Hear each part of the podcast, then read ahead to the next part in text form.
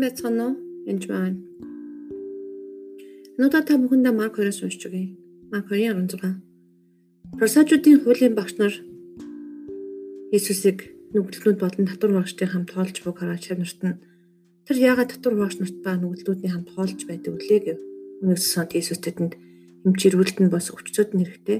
Би зөвхтийг бас нүгэлтүүдэд дутгаар ирсэн юм гэлээ.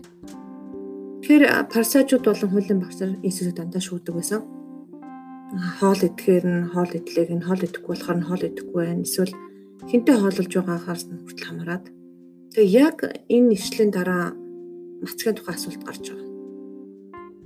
Йохны шамнар болон парсажууд мацаг барьж байжээ. Хүмүүс эрт түүнээс Йохны шамнар ба парсажуудтай шамнар байнга мацаг барьдаг.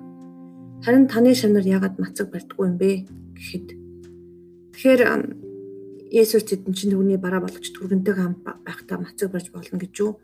Хүнтэй хамт байхдаа тэд мацаг барьж болохгүй харин хүргэн тэднээс аваач өдрүүд ирнэ. Тэгэхэд тэр өдөр мацаг барьна гэж хэлсэн. Тэгэхээр энд Йохан буюу Йохан Баптистийн шамдрын тухай гарч байгаа. Тэр хүмүүс бас зүгт амьдрах гэж баян мацаг барьдаг байсан хүмүүс байгаа.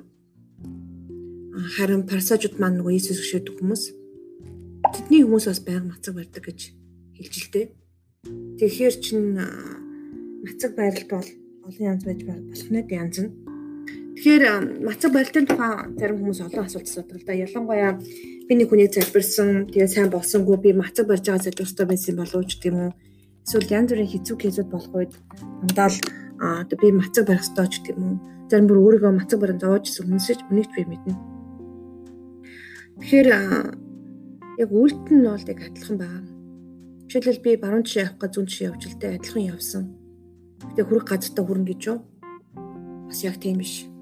Тэгэхээр мацаг барилтыг бол энд парсажуудыг хэлгээдээ холны өмнө бити бүрэл бүтэр би ингээд мацаг барихтаа олны өмнө одоо гайхуулж бити гайхуул энэ төр гэж хэлдэг.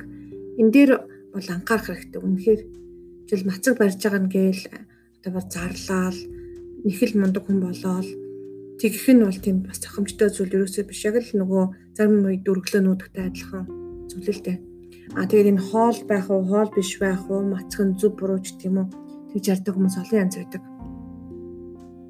А би бол мацаг барихтаа заавалж бүхнээс асуудаг. Тэгээд онцгой Монгол Улсын төлөө залбирлууд дээр бол яг мацаг барьдаг байгаа л да. Бусад үед нь бол нэг тийм мацаг барьдаггүй.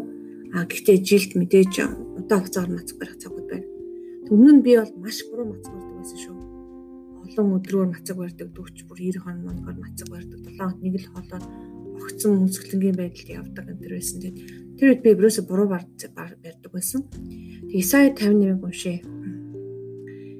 Өдөртөө мацаг барих өдрөө та нар таалал сонирхолтой үйлчиж хамаг ажилтай мүүлждэг гэж.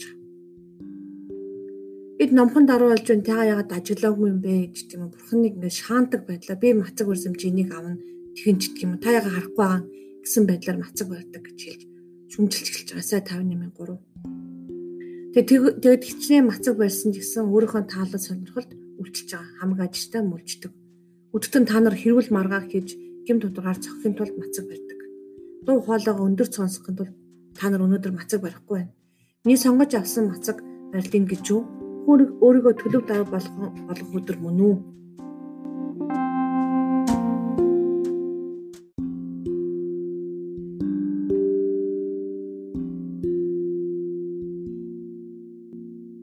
Тэгэхээр мацаг барилтын хамгийн гол зорилго бол гим буруугийн хүлдгийг мултлан. Би Исая 58-ын 6-аас уншиж байна. Гим буруугийн хүлдгийг мултлан буулганы оосрыг тайлж дарлагстыг чөлөөлөөд альва буулгыг эвдэхийн тулд би энэ мацаг барилтыг сонгосон босуу. Өсгөл нэгэнтэй талхаа хуваан хөөгдөж тугдсан ядуусыг гэртээ авчих нь босуу. Нүцгэн нэгнийг хараад хувцалж цусан төрлөөсөө нуугдахгүй байхын тулд босуу. Тэгвэл гэрэл чинь өөрийнхөө шиг цацарч итгэл чинь өтөр түргэн өсөж зөвхт байдал чинь чиний өмнө явах бөгөөд эзэнний алдар чиний арын хамгаалал болно. Тэгэхэд чамааг дуудахад эзэн хариулж чамаа ашигт би энд байна гэж айлтна. Тэгэхээр заримдаа бүх надад хариулахгүй байна. Тийм учраас би мацаг баруул хариулах юм байж гэдэг юм уу тэгэж энэ ишлийг мөндөглөж болохгүй. Харин үнээр нь өтөр түргэн болохгүй болдог.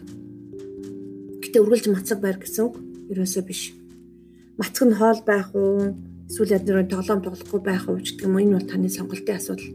Би энд бол оролцохгүй. Аа ер нь бол библиэлд дандаа мацаг хоолтой холбоотой байдаг. Яг нь сүүлийн үед хүмүүс одоо арх уухгүй мацаг ч юм уу тоглоом тоглохгүй мацаг тарих тамигдахгүй мацаг гэх мэтчлэн тэг мацаг барьдаг аа барьдаг л да. Зарим бол эсвэл хөнгөн хоолн Даниэлийн 21 хоногийн мацагч гэх юм уу янз янзын байдал байна. Ер нь бол мацаг барихаас өмнө заавал эснээс асуух хэрэгтэй.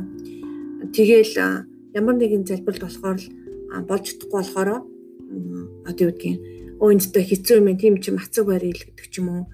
А одоо хүн хүний мацаг барилтанд өөртөө заавал оролцдог ч юм уу. Тийм байх нь тийм зохимжтой зүйл биш. Заавал эзнээс асуух ёстой нэг та хүсэж байгаа мó та энэ мацаг барилтанд бас надтай хамт байх уу гэд. Тэг үнээр эзэнтэй хамт мацаг барих үед хүн нэг хүсэж ядардаггүй байгаа бас хүч ирдэг байгаа тэг тэр нэг зоригтой байх ёстой. Гэдгийг сайн мартаж болохгүй. Аа тэг тийм хувиа ичсэн зоригтой байж болохгүй. Тэг тэрийг мацаг барих үедээ бас нийтэд зарлал ийм хоол идсэн тэгсэн би мацаг барьдаг ийм мундаг хүн ч гэм үү. Тэг зарлаад байх нь ер нь зохимжтой зүйл ерөөсөө биш. Тэгэхээр 40 хоногийн 40 хоногийн ч 21 хоногийн мацаг барилтыг жилд яг нэгээс хоёр удаа хийж болох юм. А 7 хоног болгоны мацаг барилтуудыг хийж болно. 24 цагийн ч гэдэг юм уу янз янз л байдаг. А ер нь бол би бол тийм одоо мацаг байр ч юм уу бити байр гэдэг юм уу мацаг л барихгүй бол болохгүй ч гэдэг юм уу тэгж л уриалдаг хүн юусээ биш. Ер нь хоолтой холбоотой асуудал дээр бурхан бол хоол болохоор болохгүй л гэж хэлдэг. А тэгээд үнэхээр бас мацаг байх шаардлагатай үед бас байдаг. За нэртрийг харах юм бол үнэхээр ус үндэстнээс хүрх гэж байгаа тийм хэцүү үеаа. А бас чөлөөлтөн дээр үнэхээр хүнд хүчтэй хүнийг маш хүнд төр татаж ундаг тийм олон одоо үц аваадаг чамдрын дийлэхгүй байгаа хүмүүсийг мацаг байлтай тэр салбих ёстой гэж хэлсэн байдаг. Тэгэхээр эдгээр бусдаас бүс тохиолдолд ерөөсөө тийм мацаг барилт жоохон юм болвол мацаг бариад нэгсэндээ хүрзээр аваад хаяад аваад хайчих шорог бульдозероор ухаад байх юм бол улмал гэмтэл болно.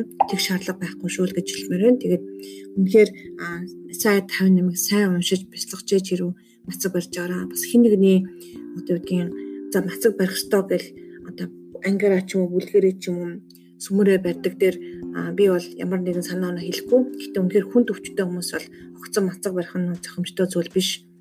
Аа тэгээд юу гэдгийг мацаг барихтаа амар хүч одоо хүчилж бариад өөрийгөө өвдгсөн хотоод өвдгсөн хүмүүсийг бас мэднэ.